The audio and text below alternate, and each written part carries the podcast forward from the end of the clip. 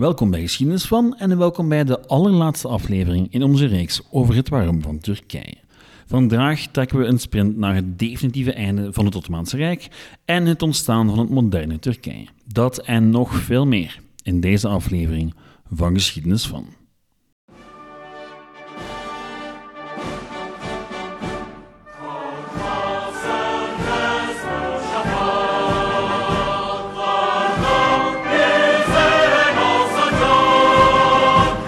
We waren de vorige aflevering geëindigd met een zekere Mustafa Kemal, die op een boot zat richting het oosten van Anatolië. De held van Gallipoli werd door de sultan naar het oosten gestuurd om de verschillende legers die daar nog zaten te overtuigen de wapens neer te leggen. Dat diezelfde Mustafa Kemal andere plannen had, was nog niet tot de sultan doorgedrongen. Vlak voor Kemals vertrek gebeurde er iets met een andere boot, of wel een heleboel boten, dat bijna evenveel impact zou hebben op het lot van Turkije.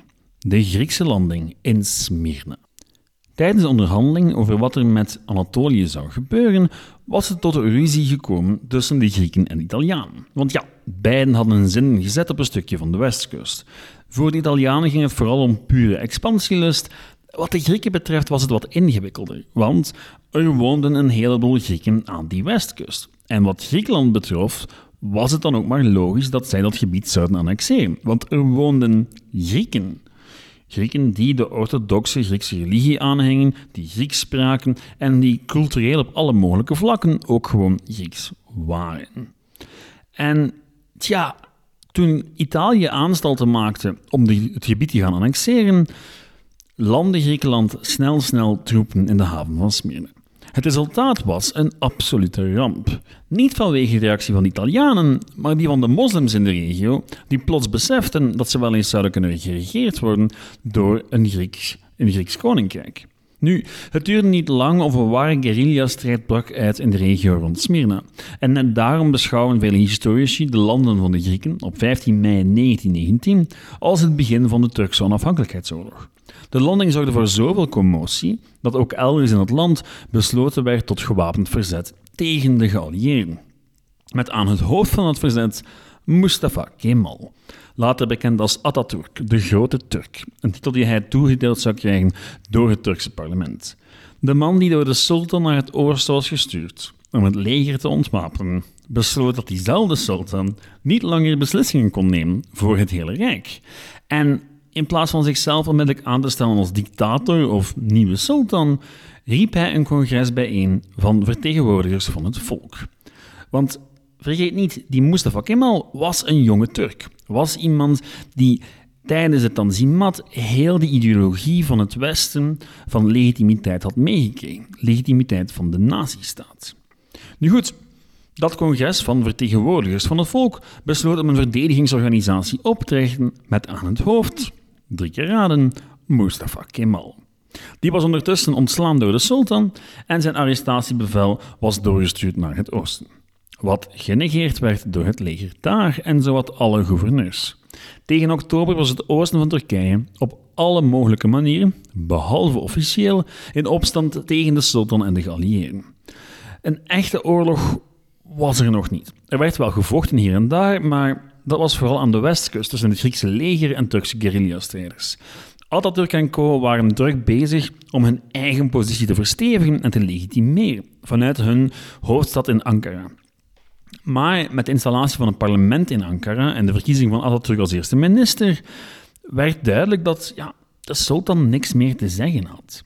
Enkel Constantinopel had hij echt nog onder controle en zelfs daar zaten Britse troepen. Dus ja, de rest van het land was ofwel ingenomen door geallieerden of onder toezicht van dat parlement in Ankara, waar hij zelf niet om gevraagd had en dat enkel in theorie nog aan hem onderdanig was. En toen, toen begon het vechten. Een legertje dat bij elkaar geschaapt door de sultan viel de nationalisten aan, met wat assistentie van de geallieerden, en het resultaat was weinig bevredigend. De nationalisten bleken capabel om zichzelf te verdedigen. En dat tot grote onvrede, want ja, de geallieerden die hadden plannen met Anatolië. Wat me terugbrengt tot de discussie over de verdeling van het Ottomaanse Rijk. Nu, te midden van al het oorlogsgeweld werd er een compromis gevonden tussen de geallieerden en de sultan. U weet wel, die die niks meer voor het zeggen had. En al die inspanningen cumuleerden in het verdrag van Cijfer van 1920. En dat zag de toekomst van wat ooit het Ottomaanse Rijk was als volgt. En hou u vast, want toen ik dit voor het eerst hoorde, en zeker toen ik de kaart zag, viel ik zowat van mijn stoel. Van het territorium van het Ottomaanse Rijk in 1914, namelijk 1.589.540 vierkante kilometer, zou nog 453.000 vierkante kilometer overblijven. Minder dan een derde. Waar ging al dat grondgebied dan naartoe? Wel, hier volgt een lijst. Een onafhankelijk Armenië om mee te beginnen. Britse mandaatzones in Irak en Palestina, Franse mandaatzones in Syrië en Libanon en een groot Arabisch koninkrijk. Nu, mandaatgebieden waren eigenlijk kolonies in alles behalve naam, maar omdat kolonialisme langzaam uit de mode aan het raken was en de Amerikaanse president Wilson radicaal tegen was, moest men het kind een andere naam geven. Mandaatgebieden dus. Dus wat? Dat was wat er met de meerderheid van het Ottomaanse grondgebied gebeurde, maar we hebben het nog niet gehad over Anatolië zelf. Om te beginnen werd de zeestraat van de Dardanellen, waar nog zoveel voor gesneuveld waren tijdens de slag om Gallipoli, een neutrale zone, bestuurd door de geallieerden. Natuurlijk. Hetzelfde gebeurde met verschillende belangrijke havensteden. Zelfs Istanbul zou onder die regel vallen. Het werden zogenaamde internationale steden. Thracië, het deel van het hedendaagse Turkije dat op het Europese vasteland ligt, werd overgedragen aan Griekenland, inclusief een heleboel eilanden. Over het gebied waar de meeste Koerden wonen in het oosten was men er nog niet helemaal uit, maar er zou in elk geval een referendum komen. Het grote probleem zijnde natuurlijk dat niet alle Koerden op dezelfde plek woonden en er vaak nog andere bevolkingsgroepen, zoals bijvoorbeeld de Armenen, tussen hen inwonen. Goed. Nu, er blijft wel degelijk nog een gebied over dat min of meer lijkt op het hedendaagse Turkije. En dat brengt mij tot de invloedzones. Want een groot deel van dat gebied zou nominaal nog wel deel uitmaken van het Ottomaanse Rijk, maar in de realiteit beheerd worden door mhm, de Galliëren. Frankrijk leende een groot deel van Oost-Anatolië, de Grieken de regio rond Smyrna, met de clausule dat de regio nog wel via referendum gewoon geannexeerd zou kunnen worden door Griekenland. Oh, en dan was er ook nog Italië. Die kregen een heleboel eilanden en grote stukken van West- en Zuid-Anatolië onder hun hoede. Met het idee dat ze later nog meer stukken zouden kunnen annexeren om een Italiaanse kolonie te kunnen stichten. Goed. Nu is de vraag natuurlijk hoeveel territorium er overbleef voor de sultan om over te heersen. Antwoord: niet bijster veel. Enkel Centraal- en Noord-Anatolië, met Ankara als voornaamste stad. Ook al zaten daar op het moment van de ondertekening van het verdrag de nationalisten met een eigen regering en een eigen nationaal parlement. En de kans leek gewoon zeer klein dat het op termijn zou kunnen blijven voortbestaan. Het Ottomaanse sultanaat was duidelijk aan zijn einde aan het komen. Nu goed, we hebben nog niet gehad over waar de Ottomaanse regering nog verantwoordelijk voor zou zijn. Want ze hadden nog minder macht dan je zich kunt voorstellen. De begroting, de belasting, alle financiële wetten zouden moeten goedgekeurd worden door de geallieerden en alle invoerbelastingen werden afgevoerd. Het leger werd beperkt tot 15.000 man en de vloot werd beperkt tot 13 boten. Oftewel, het Ottomaanse Rijk zou mogen blijven verder bestaan, maar als een soort van vazalstaat van het Westen. En niet meer dan dat. Nu, natuurlijk was dat voor het verdrag voor de meeste burgers van het Ottomaanse Rijk een absolute ramp. Toch zeker voor zij die zich identificeerden als Turks. Want ja, het, het was een schande en men zou enkel nog beheerst worden of overheerst worden door de Europeaan. En dat speelde natuurlijk in de hand van Mustafa Kemal en. Ze moesten niet bijster ver meer zoeken om hun gewapend verzet te verantwoorden en zich als een betere optie voor te stellen dan het knip- en plakwerk van de geallieerden. Al was die legitimatie natuurlijk weinig waard, als op het terrein geen overwinningen konden boeken. Want ja, de taart was al verdeeld en de gasten zaten al aan tafel. Oké, nu we overgaan tot de eigenlijke oorlog, moeten we het hebben over wie er nu eigenlijk in vocht. Aan de ene kant de Turkse nationalisten en aan de andere de Britten, de Grieken, de Armenen, de Fransen en het Ottomaanse Rijk. Wel, wat er van overbleef in elk geval. Op het eerste zicht, als je dat even opsomt, lijkt het een onmogelijke taak voor de nationalisten.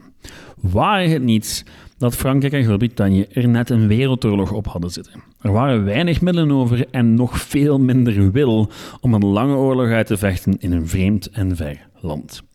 De Armenen hadden alweer weinig zin in een oorlog nu ze eindelijk de onafhankelijkheid hadden gewonnen. In 1920 al tekenden ze een vredesakkoord met de nationalisten en werden de grenzen vastgelegd. Niet dat beide partijen zeer tevreden waren, maar vrede met Armenië betekende dat men de handen vrij kreeg om grotere katten te geestelen. De Fransen bijvoorbeeld. Al zat ook Frankrijk niet in de meest comfortabele situatie. De helft van het land lag in puin na vijf jaar oorlog en wat overbleef van het Franse leger had niet bijster veel zin om zogenaamde invloedzones te gaan verdedigen. Resultaat: de Fransen werden uit het oosten van Turkije verdreven en al in 1921 volgde een vredesverdrag waar de hedendaagse grens tussen Syrië en Turkije werd vastgelegd. De grootste gevechten van de oorlog vonden plaats in het westen, waar de Britten de Grieken naar voren hadden geschoven als de vertegenwoordiger van de geallieerden. Want ja, die Britten die hadden al snel door dat de sultan de slagkracht niet meer had om een oorlog te winnen. En dus werd er naar de Grieken gekeken. En de Grieken, wel, zij faalden. In grote mate omdat de nationalisten vanaf 1921 zich geen zorgen meer moesten maken over de Armenen en de Fransen. Daarbovenop beschikten ze over gemotiveerde troepen, capabele officiers en de steun van de lokale bevolking. Een wanhoopspoging om Ankara in te nemen mislukte en na een jaar van stilstand zette Mustafa Kemal in augustus van 1922 het eindoffensief in richting de Middellandse Zee. Drie weken later werd de Griekse bezetting van West-Anatolië beëindigd. En toen moest men nogmaals onderhandelen over een vredesakkoord. Want dat van cijferen, ja, dat kon natuurlijk de vuilbak in. De Grieken moesten alles wat ze gekregen hadden op het, op het vasteland teruggeven en de zone rond de zeestraden en Istanbul werd gewoon, gewoon opnieuw Turks grondgebied. Turks grondgebied, geen Ottomaans grondgebied, want in 1923 riep Mustafa Kemal Atatürk de Turkse Republiek uit. Gedaan met de sultan, gedaan met het eeuwenoude Ottomaanse Rijk en het begin van Turkije zoals we het vandaag kennen. Mustafa Kemal wou Turkije naar voren als een moderne natie. En alle Turken de moderniteit inleiden. Of sleuren, afhankelijk van hoe je het bekijkt. Want de man was een revolutionair en bijgevolg radicaal in zijn visie voor de toekomst. Islamitische wetten werden afgeschaft, een burgerlijk wetboek naar Zwitsers model werd ingevoerd, een strafwetboek naar Italiaans model, de Turkse taal werd gestandaardiseerd, kreeg een westers alfabet, enzovoort en zo verder. Het was de Tanzimat, maar radicaler, heviger, zonder nog rekening te houden met oude conservatieve normen en waarden. En dat gebeurde allemaal onder een eenpartijregime met Atatürk als eerste minister. Democratie echte democratie, uit verkiezingen tussen meerdere partijen, ja, dat zou pas komen na de Tweede Wereldoorlog. En van dan af aan zou Turkije steeds een evenwicht blijven zoeken tussen de verschillende krachten binnen haar samenleving. Een elite die hunkert naar vooruitgang op westers model en een meer conservatieve groep die het moeilijk heeft om zich aan te passen. En dan nog eens alles daartussenin. Het maakt van Turkije een fascinerend en ingewikkeld land, al is er een aspect waar we het nog niet over gehad hebben. Turkije kwam voort uit de as van het Ottomaanse Rijk, als een nazistaat die haar grondgebied moest uitkerven in een land waar verschillende etnieën eeuwenlang naast elkaar hadden geleefd. En dat is niet bijster handig als je de volledige controle over je eigen grondgebied wilt uitoefenen. Die evolutie naar de Turkse nazistaat ging gepaard met de strijd tegen, of zelfs de vernietiging van andere naties. En die evolutie is niet enkel gelinkt aan de Turkse Republiek, maar evengoed aan de laatste jaren van het Ottomaanse Rijk. Ik heb het hier over de donkere kant van de Turkse geschiedenis in de 20e eeuw. Genocide. En mochten er luisteraars zijn met Turkse roots die tot hier geluisterd hebben, wel, ik begrijp als u nu gaat stoppen. Maar weet dit, ik hou oprecht van Turkije en van het Turkse volk. Er is geen land buiten Europa waar ik mij zo thuis gevoeld heb als in Turkije. En dat ik het woord genocide in de mond neem, wil niet zeggen dat Turkije schade wil berokkenen. Integendeel, elke moderne nazistaat heeft zijn schaduwkant, zo ook Turkije. En het ontkennen van die schaduwkant maakt, als je het mij vraagt, het land net zwakker, onzekerder. Dus ja, ik ga het woord genocide gebruiken, omdat het nu eenmaal gebeurd is. Dat is niet de schuld van de huidige generatie Turken, maar het maakt deel uit van hun collectief verleden. Willen of niet. Goed, Genocide is terecht een beladen term. Zo beladen dat we vaak niet precies meer weten wat er nu eigenlijk mee bedoeld wordt. De gangbare definitie gaat als volgt. Genocide is de opzettelijke vernietiging van een bepaald volk of etnie. Afhankelijk van hoe je de definitie hanteert, kunnen we aan het einde van het Ottomaanse Rijk vier verschillende genocides identificeren. De Armeense, die het meest bekend is, de Griekse, de Koerdische en de Syrische. De Armeense genocide is de bekendste van de vier, omdat er ook de meeste studies aan gewijd zijn. En wat definities betreft, kan er niet aan getwijfeld worden dat dit echt een genocide was.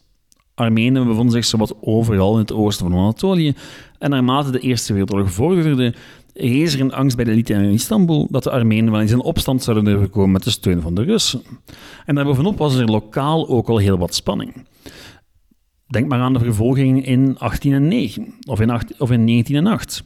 Tijdens de oorlog in 1915 werd besloten tot de deportatie van 800.000 tot 1.200.000 Armenen naar de Syrische woestijn. Het was geen deportatie met het doel om de Armenen opnieuw te huisvesten. Het was gewoon een manier om hen te laten sterven onderweg.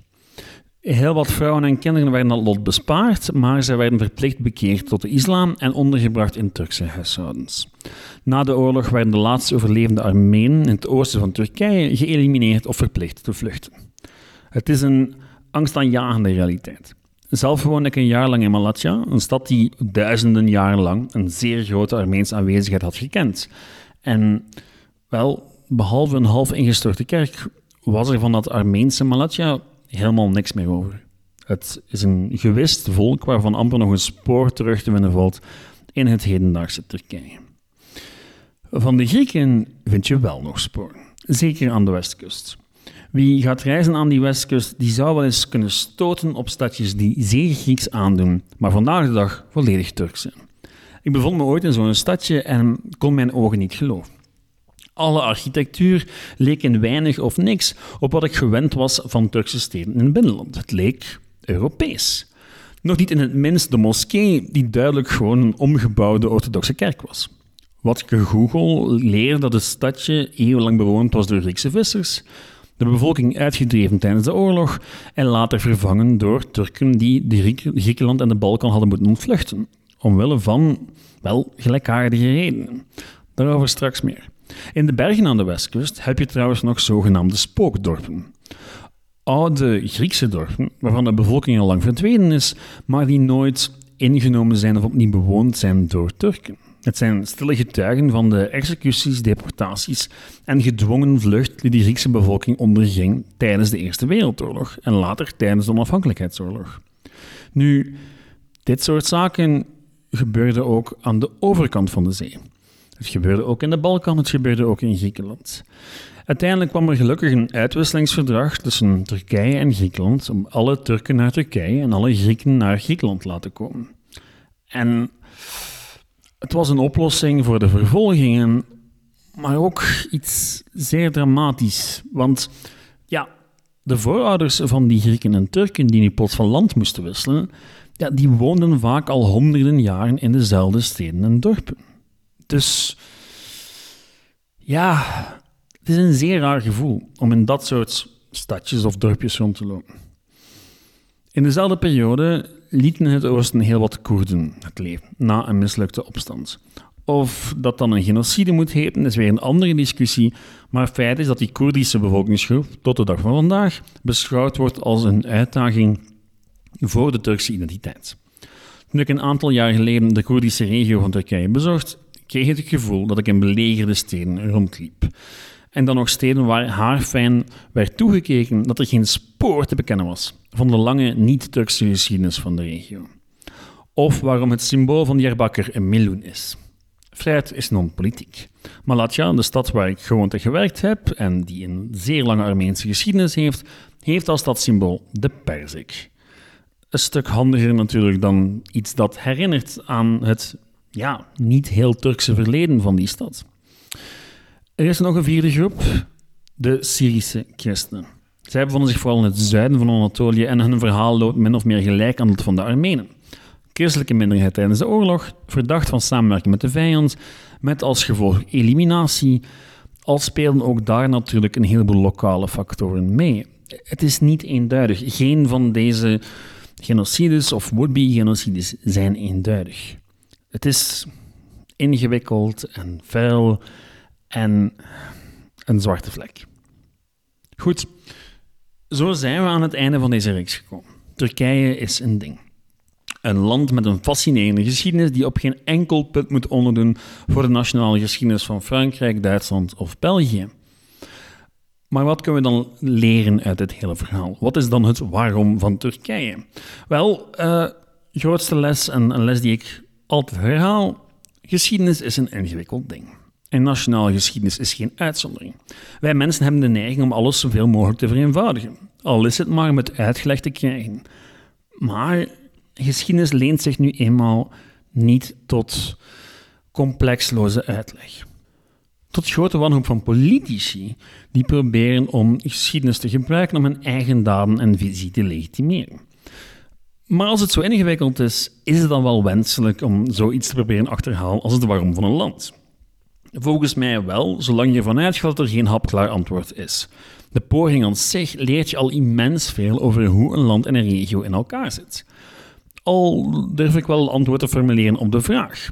Alleen is het geen uniek antwoord. Het waarom van Turkije is een mengeling van grote historische stromingen en individuele gebeurtenissen. De migratiestroom van Turkse nomadenstam uit Centraal-Azië was zo een grote stroom, die deel uitmaakte van een hele serie van migraties van dergelijke volken, van de Hunnen tot de Mongolen. De slag bij Manzikert was een individuele gebeurtenis die een heleboel andere zaken in gang zette. Net als de beslissing van de Venetianen om met hun kruisvaarders Constantinopel te plunderen. Beiden leidden op hun eigen manier mee tot het ontstaan van het Ottomaanse Rijk. Een rijk dat zelf onderhevig was aan een plethora van historische tendensen. Tot haar ondergang in een pijnlijke botsing tussen oud en nieuw, waar de acties van een heleboel individuen aanleiding zouden geven tot het ontstaan van een nieuwe natie. Tot op zekere hoogte is de vraag waarom bestaat Turkije te beantwoorden door gewoon te zeggen Mustafa Kemal Atatürk. Het is een eenvoudig antwoord en ja, er valt iets voor te zeggen. Want het is ondertussen onmogelijk geworden om de man nog los te koppelen van de nazistaat die hij meehielp creëren. Al kan je, als je het mij vraagt, het waarom van Turkije onmogelijk reduceren tot Atatürk.